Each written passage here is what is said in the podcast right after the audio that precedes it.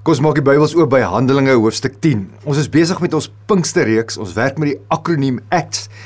Die A vir aksie, die Heilige Gees roep ons op tot aksie. Die C van hierdie akroniem het gestaan vir die Christus.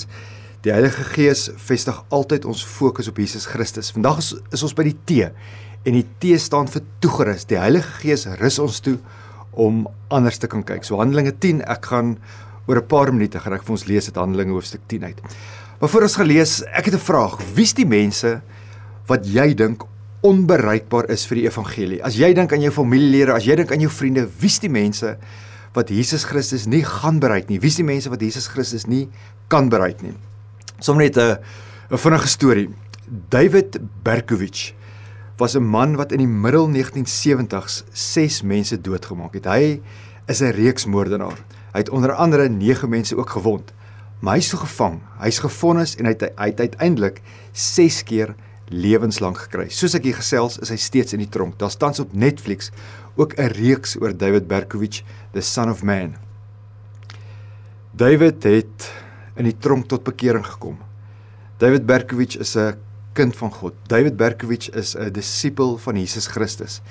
En volgens sy volgens sy vonnisvoorwaarders kon hy in aanmerking kom vir parol na 25 jaar. En dit was so hierso in die vroeë 1990s. En toe hy kon aanspraak maak op parol, toe sê hy vir die owerhede: "Nee, hy hy wil nie uitgaan op parol nie. Hy wil nie hulle moet hom oorweeg nie. Hy skuldig, hy verdien dit in die hy verdien dit om in die tronk te wees. Hy hy moet daar wees." Hy sê dit is waar God hom wil gebruik. Dit is waar God hom kan gebruik. Dis hier waar van die ander mense, van die ander gevangenes sy storie moet hoor. So die vraag is wie's die mense wat Jesus Christus, wie's die mense wat die evangelie nie kan of nie gaan bereik nie?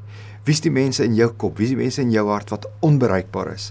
Handelinge is 'n boek wat iets vir ons vertel van die onbereikbares wat bereik word. In Engels reaching the unreachables. Daar was mense wat deel was van die vroeë kerk wat gedink het die Samaritane sal nooit deur die evangelie bereik word nie. Ons lees in die Johannes Evangelie dat die Jode en die Samaritane immers nie met mekaar omgaan nie. Maar tog, as ons hier in die eerste paar hoofstukke van Handelinge kyk, dan sien ons die Samaritane word wel bereik. Daar was mense wat deel was van die vroeë kerk wat gedink het die mense in Afrika, die mense op hierdie donker kontinent sal nooit bereik word nie.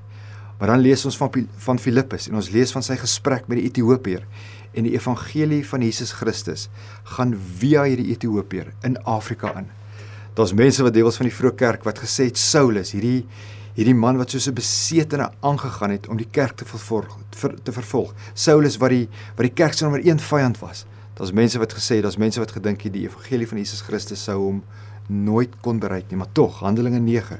Ons lees van van Saulus wat Paulus geword het se bekering. Dink aan hierdie magtig magtige Romeinse ryk. Dink aan hierdie ouens wat soveel gode dien. Daar's mense wat deel was van die vroeë kerk wat gedink het die Romeinse ryk sal nooit bereik kan word met die evangelie nie. Maar tog lees ons in Handelinge 10 dat die evangelie by 'n Romeinse offisier, by 'n Romeinse centurion uitkom. Die boek Handelinge sê vir ons dat almal met die evangelie bereik kan word. In hierdie verhaal van Handelinge 10 is daar basies net twee hoofkarakters. Dis Petrus en Kornelius. Nou almal van ons ken vir Petrus. Petrus was die leier van die disippels. Petrus het in Kapernaum groot geword. Dit was 'n vissersdorpie. En as 'n Jood het hulle geglo die Here is heilig. Heilig beteken iets soos afgesonder, eenkant gesit. Hulle het geglo God is rein. Hulle het geglo God is suiwer. En as Jode, as gelowiges, wou hulle hulle self ook heilig hou. Hulle wou ook rein leef. En dit het beteken hulle het nie sommer met enige mense, enige groep mense gemeng nie. Dit het ook beteken dat hulle net kosher kos geëet het. Hulle het net sekere kos geëet. So hulle het hulle self in 'n sekere sin ook afgesonder van die ander nasies. Want dit is hoe Petrus hulle die eerste 5 boeke van die Ou Testament, Ou Testament verstaan het. Hulle het vanuit die Torah geleef en dus hoe hulle godsbeeld ook gevorm is. Iets van van Petrus se persoonlikheid Petrus is nie op sy mond geval nie. Petrus het maklik gepraat. Die interessante van Petrus, Petrus was 'n persoon wat Jesus Christus maklik aangevat het. Hy sou maklik vir Jesus gesê het as Jesus 'n fout gemaak het. Ons lees daarvan in die evangelies. Op 'n stadium toe Jesus en sy disippels naby Caesarea Philippi was, sê Jesus vir sy volgelinge dat hy deur die priesterhoofde, deur die familiehoofde gevange geneem gaan word, dat hulle hom gaan martel en dat hy uiteindelik dood sal gaan, dat hy gekruisig gaan word. En toe Petrus dit hoor, toe sê vir Jesus Christus, Jesus, dit gaan nooit gebeur nie. Mag Mag God dit verhoed. So Jesus sê iets en Petrus gaan vir Jesus steek. Op 'n ander keer sê Jesus weer vir sy disippels dat hulle almal hom in die steek gaan laat. Maar Petrus wat maklik praat, sê vinnig vir Jesus Christus, Jesus Christus, dit sal nooit gebeur nie. Al hierdie ouens, al hierdie ander boeis, hulle gaan weghardloop, maar ek is Petrus, ek is die rots, ek is Rocky, ek ek sal by u bly. Ek sal saam met u sterf. Ander keer weer Johannes hoofstuk 13 was Jesus sy disippels se voete. Hy sê hy wil hulle voete was. En dan sê Petrus dit sal in aller ewigheid nooit gebeur nie. So Petrus is 'n man wat baie baie vinnig gesels. Hy's hy's vinnig om Jesus reg te wys as hy gedink het Jesus het 'n fout gemaak. Petrus was was ook 'n persoon wat gedink het dat God net die God is van die Jode. Hy het God aanbid as die God van Abraham, die God van Isak, die God van Jakob en in sy hart, in sy gedagtes, in sy godsbeeld was daar nie plek vir God wat lief is vir alle mense op hierdie aarde nie. So dis hy dis hoe hy groot geword het en dis hoe hy God verstaan het. So Petrus was 'n Jood wat 'n disipel van Jesus was en hy het eintlik selfs na 3 jaar saam met Jesus het hy 'n uiters beperkte godsbeeld gehad. Dan aan die ander kant Ons lees in Handelinge 10 van Cornelius. Cornelius was 'n Romeinse offisier, hy was 'n centurion. Dink aan die woord century 100, hy het 100 man onder hom gehad. Ons lees in die geskiedenisboeke dat hierdie centurions dat hulle dapper moes gewees het.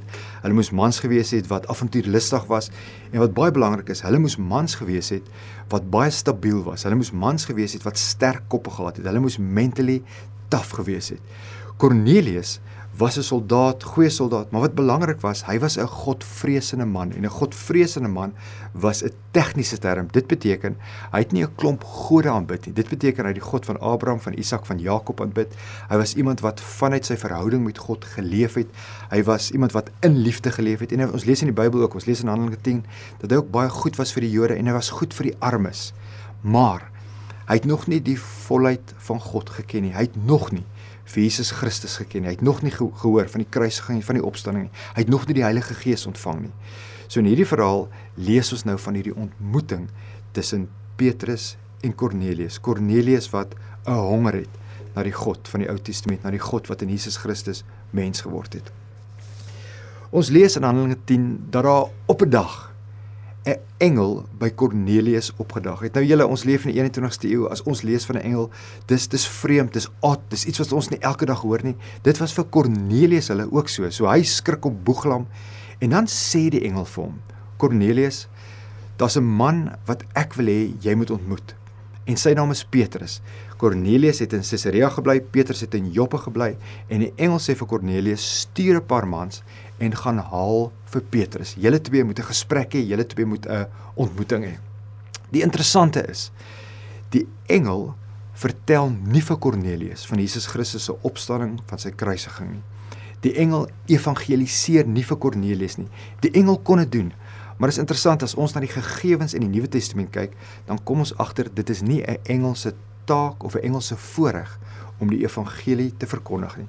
Dis ons, dis ons as die kerk, dis ons as Christene se voorreg om te vertel van Jesus Christus. Op 'n stadium en dis in daai gedeelte net voordat Jesus in die hemel opgeneem is, net voor Jesus se hemelvaart, kyk Jesus sy disippels in die oë en hy sê vir hulle: "Julle sal my getuies wees." So ons identiteit lê daarin dat ons disippels van Jesus Christus is, dat ons dienaars is, maar dit lê ook daarin dat ons getuies is van die opgestane Christus. Interessant, daar's daar's een uitsondering en dis in Openbaring hoofstuk 14 waar 'n engel die evangelie verkondig. Maar meestal, as ons kyk na die Nuwe Testament, is dit mense wat die evangelie van Jesus Christus verkondig. So die engel sê vir Petrus, die engel sê vir Kornelius, skus, gaan haal vir Petrus.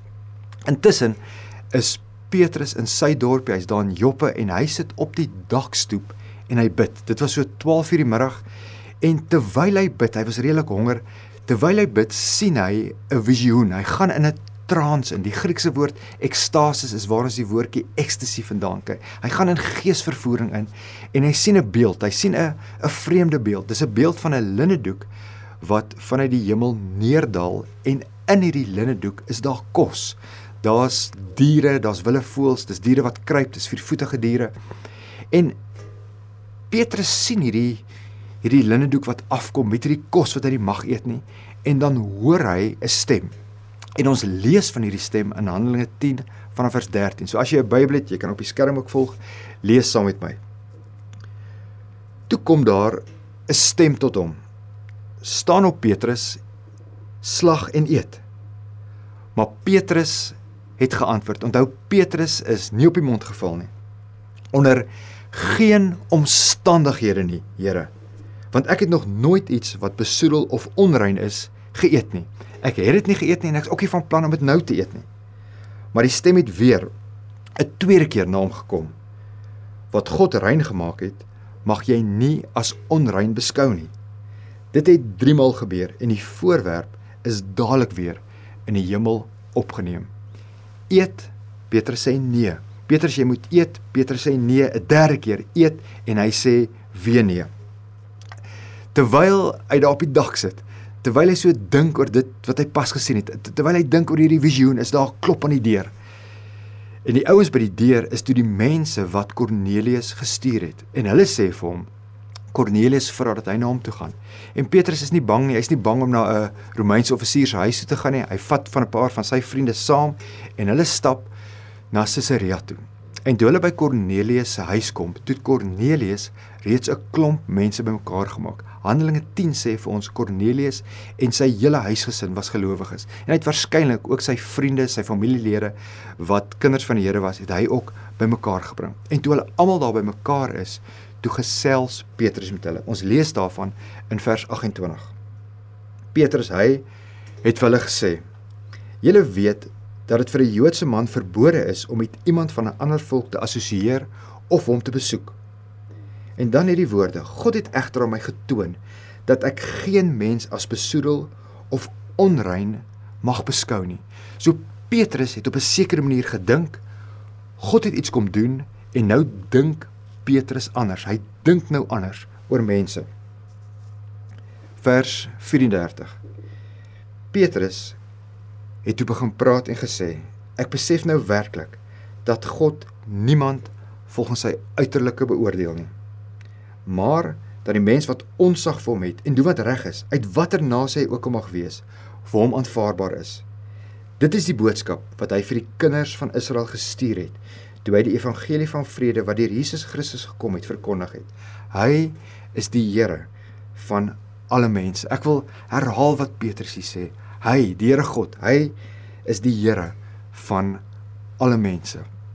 Wie wie is die Heilige Gees? Wie is die Heilige Gees wat in ons werk? Hy is die een wat ons toerus om anders te kan kyk. Hy is die een wat ons toerus om anders te kan kyk na mense wat wat ons dink onbereikbaar is. Hy is die een wat ons toerus om anders te dink oor die mense wat ver van God is. Hy is die een wat ons toerus om anders te kyk na die mense wat hulle rug op Christus en die kerk gedraai het. Ons lees in Handelinge 10 vers 28 dat Petrus sê God God het iets aan hom gewys. Die 2020 vertaling praat van God het iets aan hom getoon. En nou is die vraag wat het God hier gedoen? Hoe het hy dit gedoen? Hoe het God hierdie hierdie iets, hierdie nuwe waarheid aan hom gewys? Hoe het hy dit aan hom bekend gemaak? En ons kom agter dat die Here sy godsbeeld, dat die Here sy lewensbeskouing kom ontwrig het. Hy het sy lewensbeskouing, sy godsbeeld uitmekaar uitgetrek. Daar was 'n ontwrigting in Petrus se lewe. Daar was 'n disruption. En dikwels gebruik die Here 'n ontwrigting om ons lewensbeskouing, om ons godsbeeld uit te daag. Die Here wil ons manier van kyk uitdaag. Hy wil hê ons moet verander. Hy wil hê ons denke moet verruim. Hy wil hê ons moet ander kyk na mense. Maar dikwels, en dis die interessante van Handelinge hoofstuk 10. Dikwels weerstaan ons hierdie uitnodiging. Dikwels weerstaan ons hierdie ontwrigting in die naam van die Here. Want dis presies wat Petrus gedoen het. Al was hy al vir jare saam met Jesus Christus. Die Here God kom gee aan hom 'n visioen en dan sê hy vir die Here iets soos: "Here, op grond van my godsdienstige oortuigings sê ek vir u nee. En ons ons as kinders van die Here, ons wat in hierdie postmoderne era leef, ons doen dikwels dieselfde. Die Here, die Here wil kom, hy wil ons verander. Hy wil ons denke verruim. En dan weerstaan ons die Here in die naam van die Here. Dis asof ons wil vashou aan ons uitgediende godsdienstige oortuigings. Maar iewers, iewers moet ons die die kamers van ons hart oopmaak. Iewers moet ons ons gees oopmaak sodat ons kan sien wat God wil hê ons moet sien. Iewers moet ons leer om te kyk soos wat God wil hê ons moet kyk. Dit dit gebeur baie keer dat 'n ontwrigting juis die katalisator is vir ons groei. Ons gaan op reis of jy ontdek 'n nuwe persoon of jy lees 'n briljante boek of jy hoor van 'n nuwe vars perspektief. Partykeer kry jy data en navorsing onder oë wat jy nog nooit gesien het nie. En dan wil die Here hierdie tipe goed gebruik sodat ons nuut kan kyk, sodat ons anders kan kyk, sodat ons met vars oë na die wêreld, na die Here en ons eie lewe kan kyk. Baie keer kom ons agter ons manier van dink, ons manier van doen, ons manier ons manier van glo is nie meer voldoende nie. En as ons op daai punt kom, het ons basies twee opsies. Ons kan ons koppe soos 'n volstruis in die sand druk en ons kan besluit ons gaan hou by die ou tradisies. Ons gaan hou by die ou idees en by die uitgeleefde ideologieë. Ons kan hou by ons uitgediende godsdienstige praktyke. En ons kan maar net aangaan soos wat ons altyd aangegaan het. Of ons kan kies vir 'n ander opsie. Ons kan kies om op die pynlike pad van ontwrigting te stap sodat ons kan sien wat God wil hê ons moet sien. Mag mag die Here ons ontwrig. Mag hy ons godsbeeld kom uitdaag. Mag hy ons lewensbeskouing kom uitdaag. Mag hy ons manier van kyk veral na ander mense. Mag ons ons manier van kyk na die mense wat ver van God is. Mag ons ons manier van kyk uitgedaag word sodat ons kan kyk soos vir die Here wil hê ons moet kyk. Ons is ons is kerk sonder mure. Ons is hierdie gemeente met hierdie wonderlike naam. Mag ons nooit God net vir onsself hou nie. Mag ons nie God vir onsself hou soos wat Petrus God vir hom en vir sy eie volk wou gehou het nie. Mag ons altyd 'n 'n inklusiewe siening van God hê. Daar was 'n 'n man met die naam Mahatma Gandhi. Hy het in Suid-Afrika geleef op 'n stadium. Hy was in Suid-Afrika vir 'n vir 'n tydperk van sy van sy lewe. Hy was 'n regsgeleerde. Hy was 'n intelligente man, iemand wat wyd gelees het en hy het onder andere as Hindoe het hy uit die Nuwe Testament gelees. Hy lees van Jesus Christus. Hy lees van dit wat Jesus gesê het. Hy lees van dit wat Jesus gedoen het. Hy lees die bergrede, veral die bergrede het hom aangetrek. En hy besluit, as 'n Hindu besluit hy hy hy gaan 'n kerk bywoon. Hy gaan 'n erediens bywoon. En toe hy by die kerk kom, dis daar 'n man wat vir hom sê jy's nie welkom nie. Gaan gaan aanbid saam met jou eie mense. Gaan aanbid saam met jou eie damse ganse. Gaan aanbid daar saam met die bruin mense. En Gandhi draai sy rug op die kerk Hy draai sy rug op die hy draai sy rug op die Nuwe Testament. Hy draai sy rug op Jesus Christus en dis vir hom 'n 'n hartseer, 'n jammer dag want hy het geglo dit wat ons lees van Jesus Christus is die teenvoeter vir die kastestelsel wat soos 'n plaag deur Indië gegaan het. Maar tog as gevolg van of op grond van die man wat vir hom by die kerk eintlik maar weggejaag het, het hy nooit die Christelike geloof aangeneem nie. Mag mag ons na mense van ander gelowe kyk soos wat God wil hê ons moet kyk. Mag ons weet dat dit ons taak is, dat dit ons voorreg is om vir almal, vir al die nasies te vertel van Christus wat gekruisig is en Christus wat uit die dood uit opgestaan het. Kerk sonder die mure mag die Here ons oë oopmaak vir hierdie seisoen waarin ons nou is. Mag hy ons geestesoë so verhelder dat ons met die oë van die Heilige Gees, dat ons met die oë van Christus, dat ons met die oë van die Vader na hierdie wêreld kan kyk. Mag die Here, mag die Here ons seën in hierdie seisoen van ons lewe. Amen. Ons Here, U weet almal van ons ken mense wat ver van U is. Here, U weet U U is die God van van alle mense. Here, ons weet U wil ons gebruik. Here, ons weet U wil alle nasies bereik.